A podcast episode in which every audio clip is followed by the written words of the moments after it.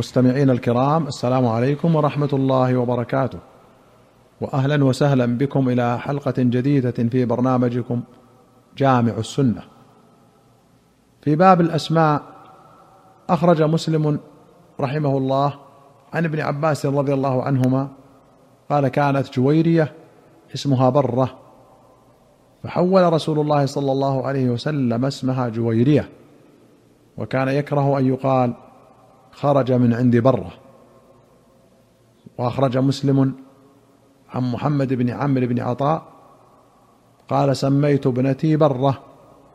فقالت لزينب بنت أبي سلمة إن رسول الله صلى الله عليه وسلم نهى عن هذا الاسم. وسميت برة. فقال رسول الله صلى الله عليه وسلم لا تزكوا أنفسكم الله أعلم بأهل البر منكم. فقالوا بما نسميها؟ فقال سموها زينب. وفي رواية قالت كان اسمي برة فسماني رسول الله صلى الله عليه وسلم زينب. قالت ودخلت عليه زينب بنت جحش واسمها برة فسماها زينب. وأخرج مسلم عن ابن عمر رضي الله عنهما أن ابنة لعمر كانت يقال لها عاصية. فسماها رسول الله صلى الله عليه وسلم جميلة. وفي رواية أن النبي صلى الله عليه وسلم غير اسم عاصية وقال أنت جميلة. وأخرج مسلم عن عبد الله بن مطيع بن الأسود عن أبيه قال لم يكن أسلم أحد من عصاة قريش غير مطيع. كان اسمه العاصي فسماه رسول الله صلى الله عليه وسلم مطيعا.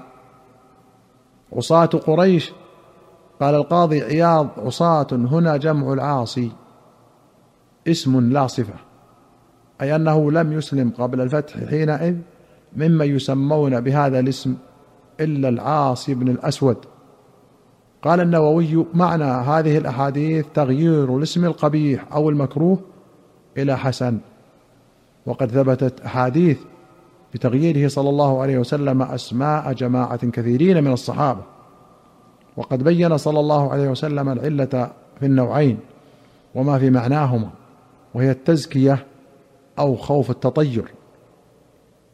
وأخرج البخاري ومسلم عن سهل بن سعد رضي الله عنه أن النبي صلى الله عليه وسلم أتي بالمنذر بن أبي أسيد حين ولد فوضعه النبي صلى الله عليه وسلم على فخذه وأبو أسيد جالس. فلهي النبي صلى الله عليه وسلم بشيء بين يديه فأمر أبو أسيد بابنه فاحتمل من فخذ النبي صلى الله عليه وسلم فأقلبوه. فاستفاق النبي صلى الله عليه وسلم فقال أين الصبي؟ فقال أبو أسيد أقلبناه يا رسول الله. قال ما اسمه؟ قال فلان. قال لا ولكن اسمه المنذر. فسماه يومئذ المنذر. قوله لهي رويت بفتح الهاء وبعدها ألف لها وبكسرها وبعدها ياء لهي. والأولى لغة طيء والثانية لغة الأكثرين ومضارعها يلهى كعمي يعمى. ومعناها اشتغل بشيء بين يديه. وأما من اللهو فلها بالفتح لا غير ومضارعها يلهو. وقوله أقلبناه أي رددناه وصرفناه. وهذه رواية مسلم. وعند البخاري بالهمس مثلها أقلبناه. وبالتضعيف قلبناه. وقوله أسمه ضبطت بهمزة القطع وكسر الميم فعل أمر. أسمه وضبطت بهمزة الوصل وفتح الميم اسم لكن. لكن اسمه. قال النووي قالوا وسبب تسمية النبي صلى الله عليه وسلم هذا المولود المنذر لأن ابن عم أبيه المنذر بن عمرو كان قد استشهد ببئر معونة وكان أميرهم فيقال بكونه خلفا منه رضي الله عنهم أجمعين. وأخرج البخاري في الأدب وأبو داود والنسائي وابن حبان والطبراني في الكبير والحاكم والبيهقي في السنن بسند صحيح عن هانئ بن يزيد أنه لما وفد إلى رسول الله صلى الله عليه وسلم مع قومه سمعهم يكنونه بأبي الحكم. فدعاه رسول الله صلى الله عليه وسلم فقال إن الله هو الحكم وإليه الحكم. فلم تكنى أبا الحكم؟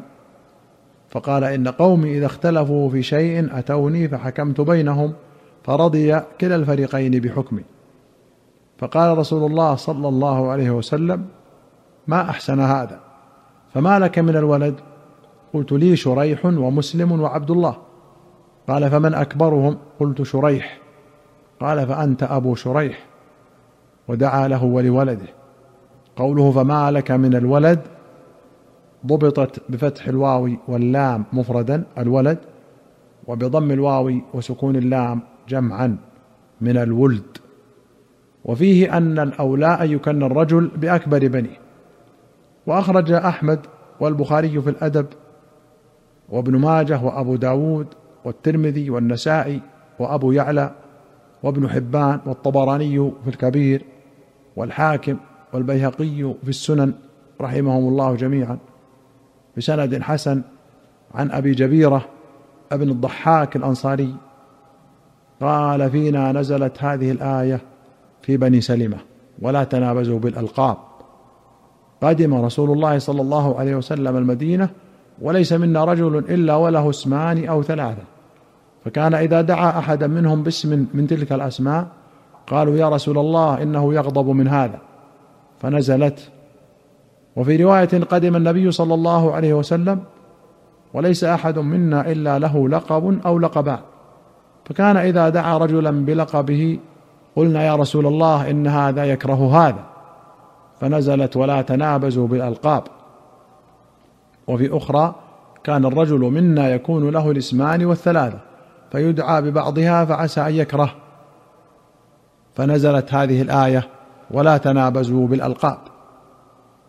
الرواية عند أحمد عن أبي جبيرة عن عمومة له ورواه أصحاب السنن عن أبي جبيرة بلا ذكر للعمومة. وأبو جبيرة قيل صحابي وقيل لا صحبة له. وهو أخو ثابت ابن الضحاك الأنصاري رضي الله عنه. وأخرج مسلم عن سمرة بن جندب أن النبي صلى الله عليه وسلم قال لا تسمين غلامك يسارا ولا رباحا ولا نجيحا ولا أفلح فإنك تقول أثم هو فلا يكون فيقول لا. وأخرج مسلم عن جابر قال أراد النبي صلى الله عليه وسلم ان ينهى عن أن يسمى بيعلى وببركة وبأفلح وبيسار وبنافع وبنحو ذلك. ثم رأيته سكت بعد عنها ولم يقل شيئا. ثم قبض رسول الله صلى الله عليه وسلم ولم ينهى عن ذلك. ثم أراد عمر أن ينهى عن ذلك ثم تركه. قال النووي يكره التسمية بهذه الأسماء المذكورة في الحديث وما في معناها ولا تختص الكراهة بها وحدها. وهي كراهة تنزيه لا تحريم. ومعنى قوله أراد أن ينهى ثم تركه أي أراد أن ينهى عنها نهي تحريم. وأما النهي الذي هو كراهة التنزيه فقد نهى عنها في الحديث السابق. وأخرج مسلم عن المغيرة بن شعبة رضي الله عنه قال لما قدمت نجران سألوني فقالوا إنكم تقرؤون يا أخت هارون وموسى قبل عيسى بكذا وكذا. فلما قدمت على رسول الله صلى الله عليه وسلم سألته عن ذلك فقال إنهم كانوا يسمون بأنبيائهم والصالحين قبلهم. قال النووي استدل به جماعة على جواز التسمية بأسماء الأنبياء عليهم السلام. وقال القاضي وقد كره بعض العلماء التسمي بأسماء الملائكة. أيها المستمعون الكرام إلى هنا نأتي إلى نهاية هذه الحلقة. حتى نلقاكم في حلقة قادمة. نستودعكم الله والسلام عليكم ورحمة الله وبركاته.